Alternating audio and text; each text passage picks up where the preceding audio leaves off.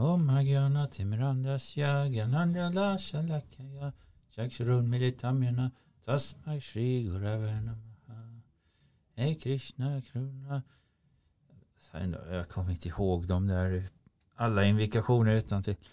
Men i alla fall Hej och välkomna till Fredspodden Episod 4 Och idag så är min tanke att undersöka vad lycka är enligt eh, den esoteriska sidan. Så med mig har jag lite skrifter. Jag har några verser som jag tänkt ta från Bhagavad Gita och jag har även letat som en tok efter rena verser i evangelierna om vad lycka är och sånt men eh, jag har inte lyckats hitta vad jag istället har hittat är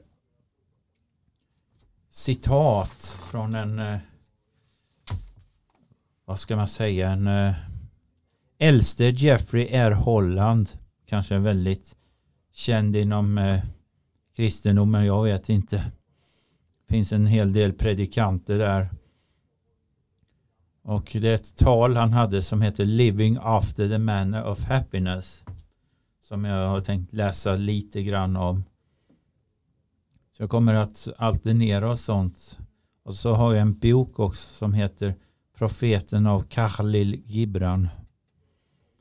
Så, och med mig har jag eh, en eh, talarassistent som vanligt. Har någonting att säga? Mm, ja, hej. Tack för att jag får vara med. Och du har också den här Baga, Bagita också. Och som ni hörde innan jag innan jag så här började prata och sånt in, enligt eh, Vaishnava-traditionen innan man eh, börjar citera eller prata om eh, det andliga överhuvudtaget så ska man eh, göra lite invokationer. Det finns en del kristna församlingar som ber böner innan de ens slår upp bibeln. För att de ska läsa den på rätt sätt. För att om man försöker läsa med huvudet så blir det bara pannkaka av det. Mm. Och eh, det är inte sinnet som ska tala utan det är den heliga ande genom hjärtat. Mm. Och då finns det en tradition som inom eh, Vaishnavismen kallas för Sankirtan eh, Yagya och det betyder att man sjunger tillsammans som en dedikation för att bjuda in den högsta Herren. Och det finns ett gäng pingstförsamlingar som gör detta på sina sätt och sånt. De kallar det för lovsång. Mm. Och det kan och både Vaishnava-lovsång och pingstlovsång de är, de är så fyllda med nektar om eh, rätt så här försångare, mm. ledare. Och det gör sån skillnad. Ja det gör det verkligen. Alltså, även det här som att inte bara slå upp bibeln utan laga mat eller alltså, vad du än gör om du, du invokerar, in, sätter en intention innan så blir det ju en helt annan smak, en helt annan nektar på det du gör, eller hur? Absolut. Så det ska bli intressant att se hur hur många av de här citaten kommer att likna varandra även om de tar dem från lite andra perspektiv. För någonting som slog mig när jag läste evangelierna när jag var i Indien för några år sedan och så blev jag bara så här paff över hur, hur lik Jesus ord var Gitans budskap. Jag undrar, hur är det här ens möjligt? Och då mm. frågade jag inåt och så bara så sa anden till mig andlig kunskap är bara en men i och med att människan är så splittrad med kultur och så så måste jag skapa olika filosofier för att möta människor i den kulturen de har då. Mm. Ja, precis. Får jag fråga dig en sak bara? Är du, liksom, i din uppväxt, har du någon religion någon eh, praktik så med det från, från modersmjölken ifrån föräldrarna? Inte särskilt mycket. Vi var på, vi var på gudstjänster då och då men eh, det var aldrig att eh, det fanns någon aktiv tro inom familjen så sett. Det var jag minns. Det var kristet i alla fall. Det var inte liksom Jehovas eller någon Nej, det var, någon det var statskyrkan. statskyrkan. Mm. Mm, men det är intressant att, att veta.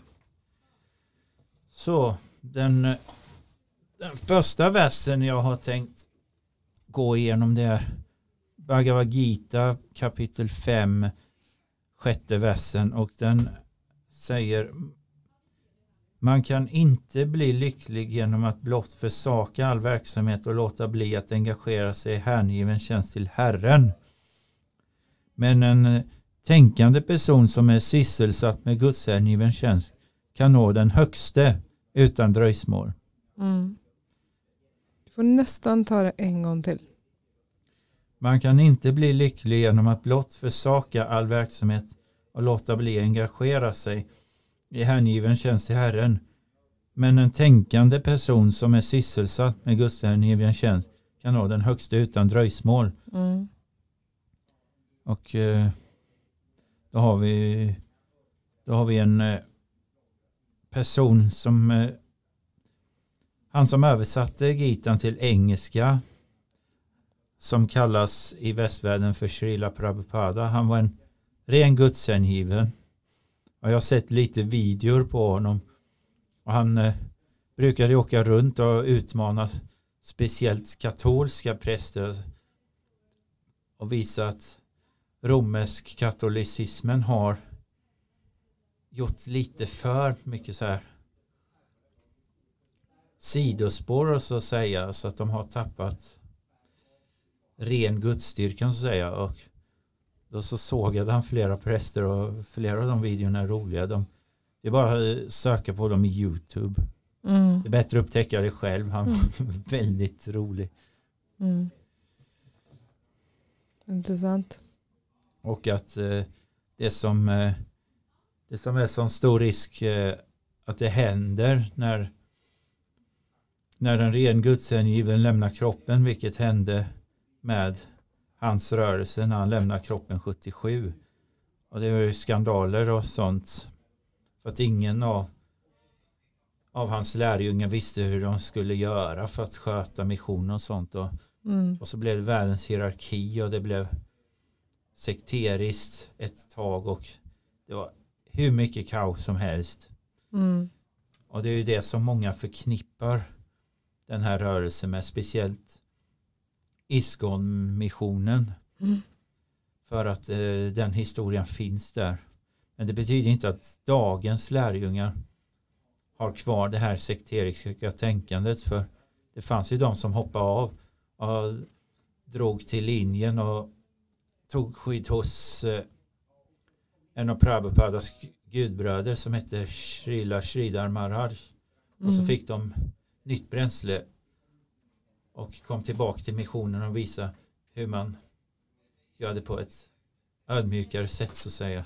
Japp. Och sen så har det skapats nya Mm. missioner. Och detta har ju kristendomen gått igenom väldigt mycket också. Mm.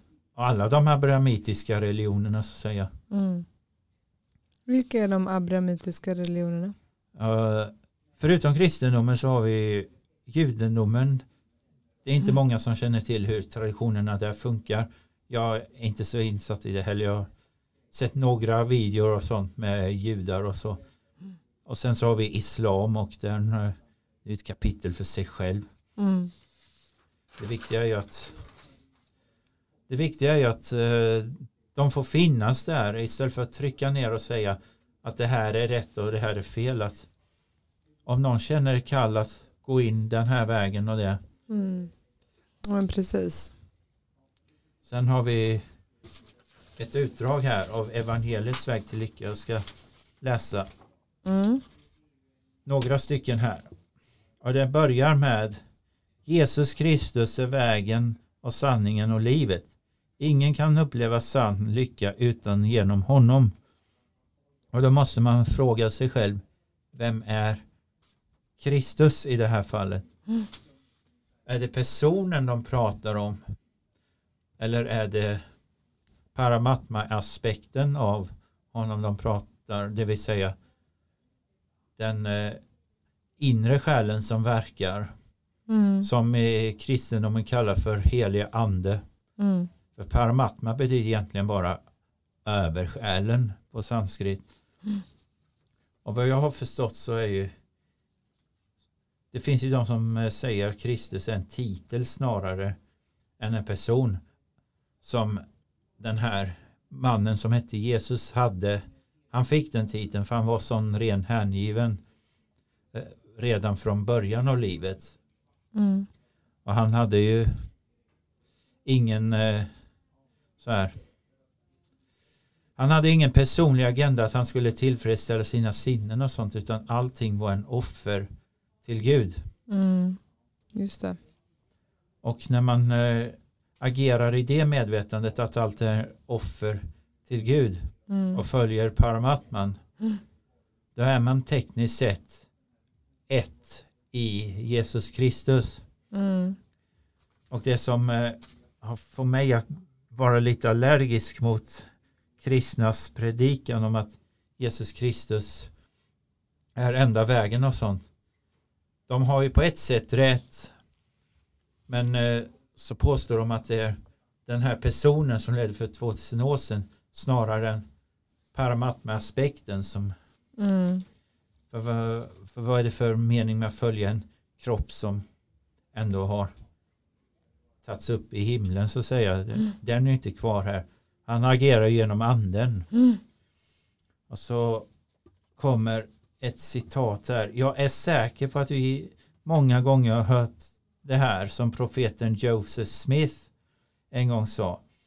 Lycka är vår tillvaros syftesmål och bestämmelse och ska bli dess slutmål om vi följer den väg som leder till lycka. Det är det här behjärtansvärda sökandet efter lycka jag vill tala om. Lägg märke till att jag sa sökande efter lycka, inte lyckan i sig själv. Tänk på profeten Josefs ordval. Han talade om vägen som leder till lycka som är nyckeln till att uppnå det målet. Det vill säga att följa det inre kallet Mm. att följa den gnistan för att själen i sin rena form vet ju vad etik och moral är för att det är ju ändå en skapelse av Gud och så länge vi inte låter skapelsen, det vill säga oss själva vilseledas av den marginella energins skapelse så kommer ju men vi har ju förtäckts av mörker så att säga. Mm. Det här är inget nytt. Det har varit en grundläggande strävan för mänskligheten i alla tider. En av de främsta intellektuella tänkarna någonsin sa en gång att lycka är livets mening och syfte. Hela målet och avsikten med vår mänskliga tillvaro. Mm. Vem, vem sa det? Har du någon namn där? Eller? Nej, det bara en... Ja, detta är ju eh, Jeffrey R. Holland som, eh, som eh, ha, har gjort det här talet. Det är s- 23 september 2014 i Brigham Young University i Idaho. Okej, Så det här. inte så gammalt då. Nej. Och eh, det, det kommer ju moderna profeter hela tiden och sånt.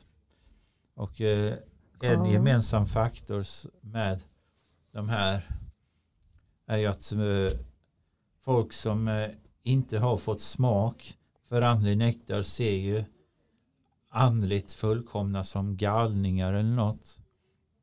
Men det är väl någon form av skydd för om nu eh, om nu själen är så rebellisk och vill agera utan Guds vägledning Mm. så skulle det vara livsfarligt om eh, vägen skulle vara superuppenbar. Mm. För eh, vägen eh, som jag ser det, det är ju surrender till något högre och bara låta flödet få styra så att säga. Ja. Mm. Och vi har ju ett praktexempel på det här. Vi kan ju gå in på vad många människor tror är lycka och sånt. Att de tror att bara jag har den här saken så kommer jag bli lycklig. Och det finns en grej som som jag har, jag har hört många gånger från många olika föreläsare och detta var ett väldigt vanligt exempel i Majhusets föredrag också när, när det handlade om lycka och det är exemplet om om du får en eh, om du skrapar fram 10 miljoner ur en skraplåt och så bara Mm. wow! Mm.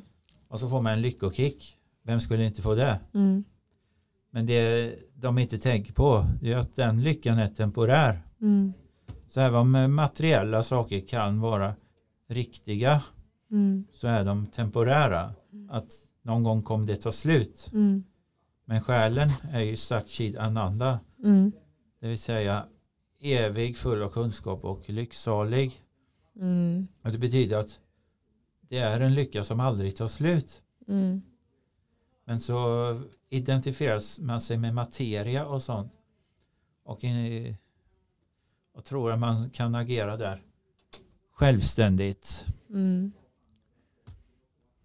Och då, då blir det ju kaos för att när lyckan väl tar slut och, och då försöker man fylla på det här igen och då uppenbarar sig bristmedvetande och kan vi se vad det fanns ett bra ställe i Gitan Mm. som säger om just detta.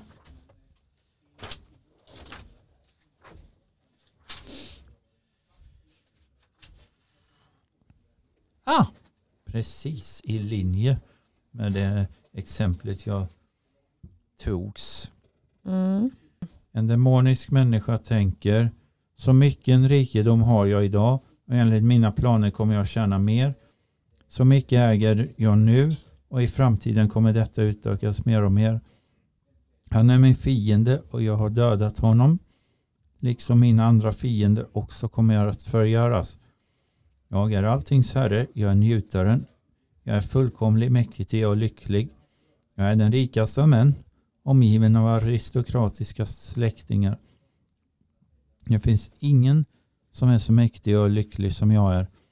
Jag ska utöva föra offer, jag ska skänka allmosor och sålunda ska jag fröjdas.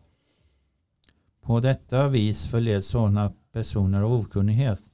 Så detta är demoniskt medvetande som, som Gitan behandlar.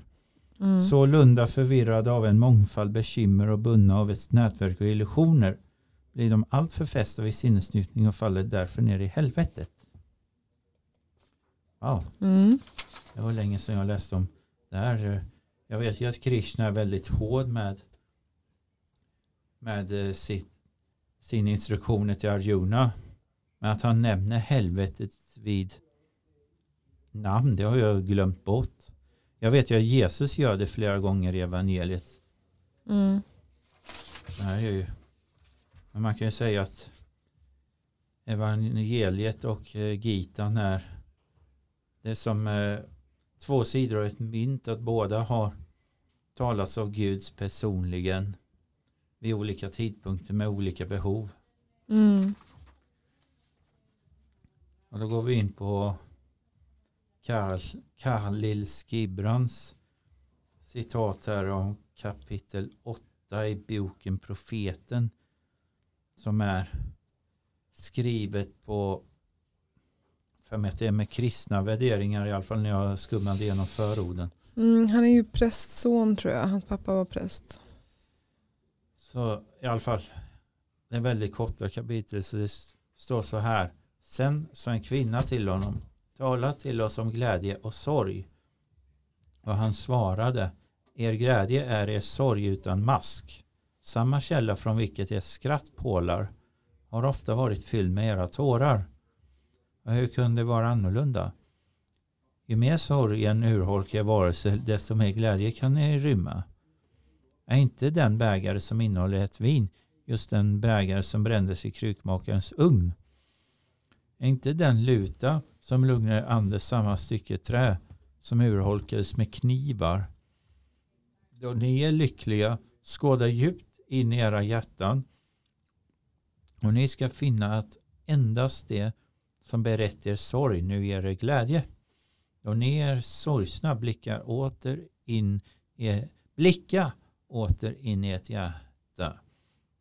Och ni ska se att ni i verkligheten gråter över det som en gång skänkte glädje. Några av er säger glädjen är större än sorgen. Och andra säger nej, sorgen är större. Men jag säger det är oskiljaktiga. Tillsammans kommer det och när den ene sitter ensam med er vid bordet kom ihåg att den andra sover i säng. Mm. I sanning, ni som är en, ni är som en våg mellan er sorg och glädje. Endast då vågskålarna är tomma är ni stilla och i jämvikt. När skattmästaren lyfter er för att väga sitt guld och sitt silver måste er glädje eller sorg antingen stiga eller falla. Mm. Och jag kan av egen erfarenhet säga att de gånger jag varit i djup sorg och låtit mig gråta mm. så har jag funnit en det har funnits en stark tillfredsställelse i det. Mm. Och något intressant sätt att att gråta när man bara låter sig göra det. Det är så befriande. Och, mm. och ibland så har gråten varvats med skratt. Jag bara känner att när jag gråter så bara känner jag att allting är bara sån frid och fröjd. Det är mm. när jag inte låter mig gråta och saker bara känns tomma eller bara känner mig likgiltig. Mm. Den känslan är mycket värre för, för gråt och sorg. Det, när det verkligen får komma ut. Det är så Det är så en underbar känsla mm. medan, medan likgiltighet, usch, mm. det, den känslan gillar jag inte. Nej. Det är så frigörande att gråta. Sen har jag faktiskt också hört att det finns någon kemisk um, något, något kemiskt i tårarna som, som är smärtstillande för själen. Och, alltså, både, ja. både för själen och för den fysiska kroppen. Jag för mig att starkt gråt om man uh, gråter på ett äkta vis frigör mm. massa oxytocin om jag inte minns fel. Mm. Och det är väl också en sån här lugn, lugnande hormon som kroppen har. Mm. Ja men precis. Min dotter är fyra år och varje gång hon gråter så får man absolut inte torka hennes tårar. Utan hon vill ha kvar dem. Och jag tänker att det är någon sån här häftig instinkt hon har. Ja, varför ska man torka tårarna? För om de helar huden och, och gör att ansiktet ser yngre ut och sånt. Varför torka bort det? Mm. Kroppen har, skapar ju sina substanser för att mm. optimera mm, sig. Men så har vi programmerats att, att det, här, det här ser fult ut i samhället och så tar man bort bränsle som är essentiellt för kroppen. Och, mm. Ja. Allting bara för mat, en maskin som, som är byggt på illusioner. Mm. Och då kan vi hoppa lite här i, i evangelietalet till, till essensen av talet. Och, och rubriken heter Lev efter evangeliet. Mm. Och där står det, den största lyckan, den sanna friden och det som kan komma i närheten av den glädje som beskrivs i skrifterna finner vi framför allt ytterst och för evigt. Satchidananda där igen. När vi lever efter Jesu Kristi evangelium. Det enda Jesus pratar om det är, ju, det är vad man behöver göra för att få kontakt med Gud och vad heter det, så svårt att ta, det är så svårt att säga med ord för att både Gitan och evangelierna går bortom ord. Och det är som att man får en känsla mer att det här känns rätt och det här. Och så är det som att nej, jag vill inte prata om Gud, jag vill sjunga. Så bara, Bam, bam, bam, bam, bam, bam. Musiken har sån magisk kraft. Och Mm det är därför vi tycker frikyrkoförsamlingar är mycket roligare än statskyrkan när jag känner att jag vill tillbe Gud och då gör jag det mest genom lovsång och jag känner mig så fri av det. Mm. Ja men det är fantastiskt att sjunga alltså. Och så står det många andra filosofier och trosystem har prövats. Ja, vi kan med eh, säkerhet säga att praktiskt taget alla andra filosofier och system har prövats under historiens århundrade. Men när aposteln Thomas ställde frågan till Herren som ungdom ofta ställer idag. Hur kan vi punkt, punkt, punkt, känna vägen? Och som för många tolkas till hur kan vi veta hur man blir lycklig? Ge- gav Jesus svaret som ekar från en evighet till all evighet. Jag är vägen och sanningen och livet. Och vad ni än ber om i mitt namn ska jag göra. Om ni ber om något i mitt namn ska jag göra det. Och det finns ju också saker som man, vad menar han när han säger jag är vägen, livet, sanningen? Mm. Ska man, ska man chanta den slåkan tyst för sig själv och sen se vad som händer? Jag är vägen, livet och sanningen. Och så bara är det att överjaget börjar prata med en då eller? Tror du inte att det är bara att känna den känslan, att veta om det är sinnet och veta om det är hjärtat? Jag tror det räcker. Jo, det tror jag också. Jag bara ställer öppna frågor jag som förstår. lyssnarna hypotetiskt Ja. kan svara sig själva för. Ja. Detta är ju ingenting jag tror man kan svara någon annan. Detta måste Mm. man fråga sig själv och så kommer svaren för om Jesus verkar som Paramatma så, så har man en väldigt bra guide och han är ju en evig guide som Mm. alltid kommer finnas där för han säger det. Jag är din broder och jag vill gå med dig. För jämnan och ständigt måste bara bjuda in mig i mitt liv. Mm. Ja men precis. Fantastiska texter. Nu ska vi se. Om vi går till slutsatsen av Gita Mm. där allting kommer till sin klimax så Mm. pratar Krishna om glädje i, i de olika materiella kvaliteterna som kallas för guna. Och detta är ju, de finns där, gonerna, Mm. men som gudshängiven så behöver man inte bry sig så mycket om dem egentligen för att man ser ju vad som går i sanning. Man ser ju vilka som agerar i passion och man ser ju vilka som är slöa och demoniska. Slö och demoniska. Mm. Ja, det som på sanskrit kallas tamaguna Just det. och det kallas för mörkrets materiella kvalitet. Mm. Och då säger Krishna så här. Och det främste bland Bharatas, Mm. det vill säga ättlingar till Bharata. Som var en väldigt stor kung som ledde för flera miljoner år sedan. Lyssna nu när jag beskriver de tre slagen av lycka genom vilka den betingade själen njuter och genom vilka han ibland når slutet på allt lidande. En betingad själ försöker njuta materiell lycka om och om igen och således tuggar han det redan tuggade. Låter som en idisslare. Mm. Ibland medan han njuter på detta sätt kan han emellertid befrias från materiens bojor genom samvaro med en högt utvecklad själ. Sadhusanga. En betingad själ är alltid engagerad i någon slags sinnesnjutning.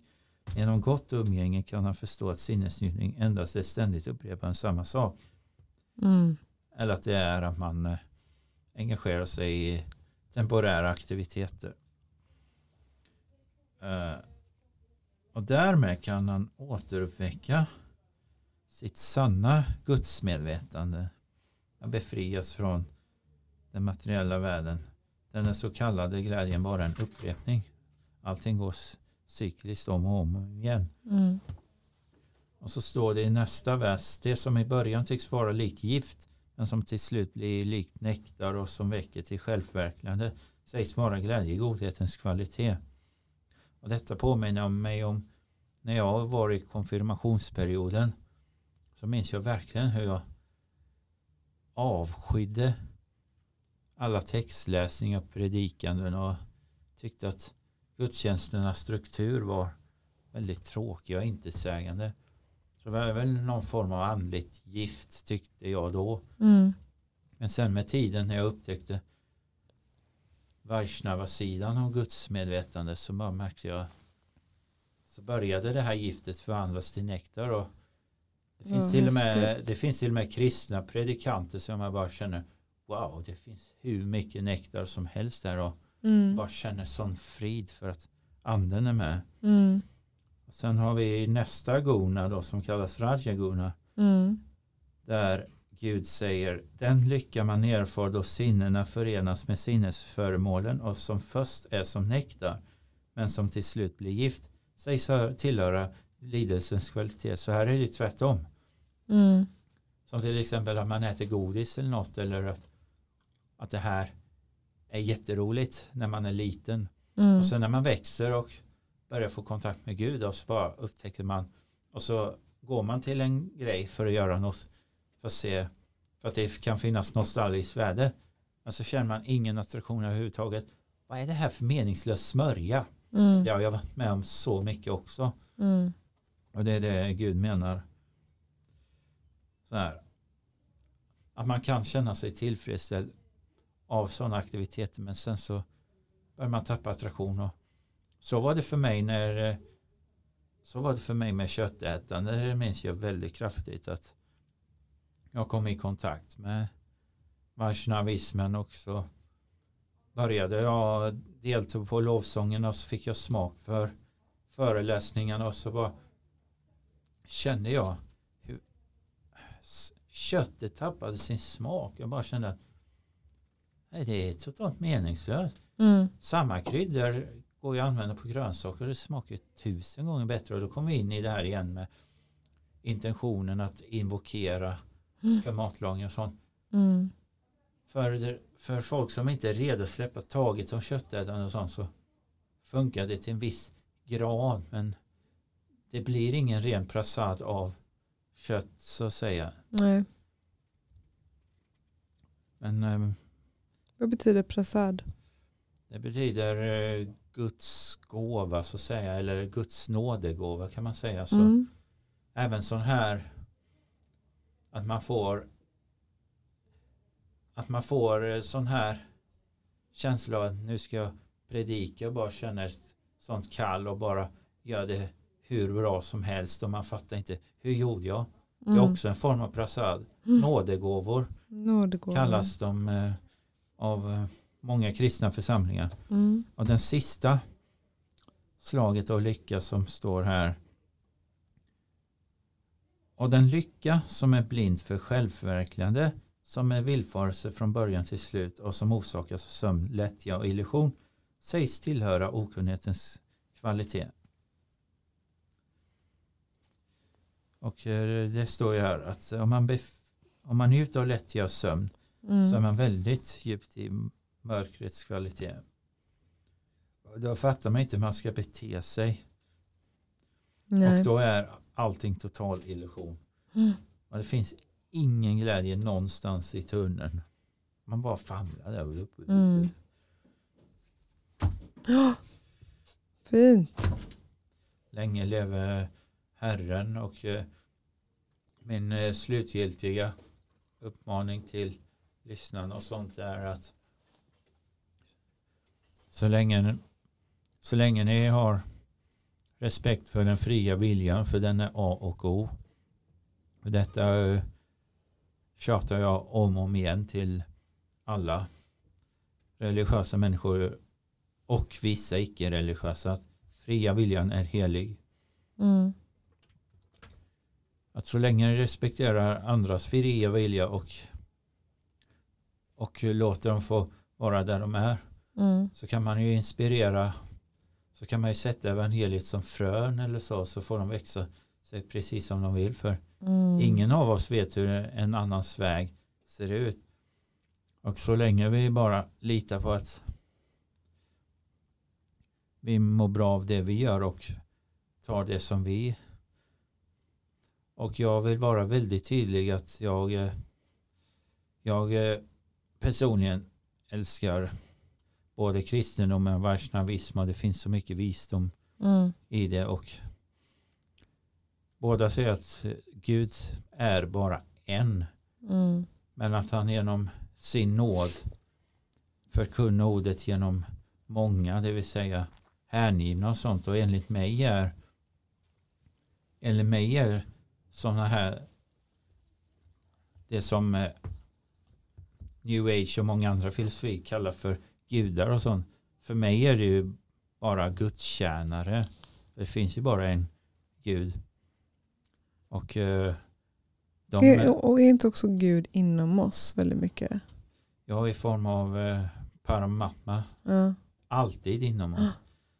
Ja, det finns en vers, kommer inte ihåg den utan till men den kommer från boken Sri Ishopanishad Mm. som en form av inledning till Vaishnava filosofin och det står det Herren är inom oss och utom oss och eh,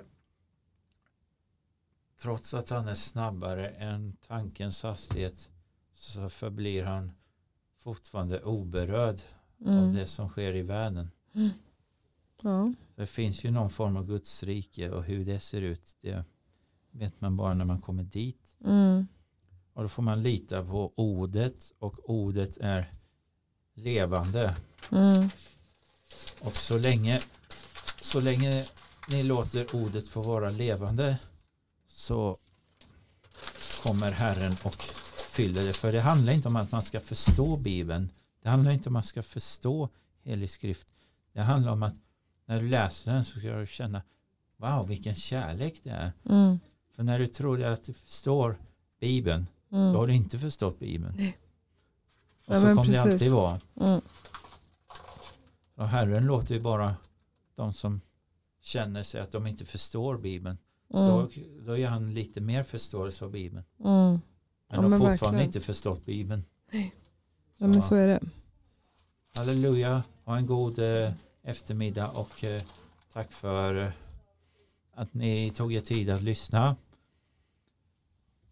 Nästa avsnitt blir någon form av intervju. Vem det blir, det får vi se. Det vet inte ens jag just nu, men det kommer bli ett intervjuavsnitt på ett eller annat sätt. Och eh, fortsätt fredstudera och fortsätt ifrågasätta det ni ser och hör. För allting är inte som det verkar. Halleluja, amen, hej.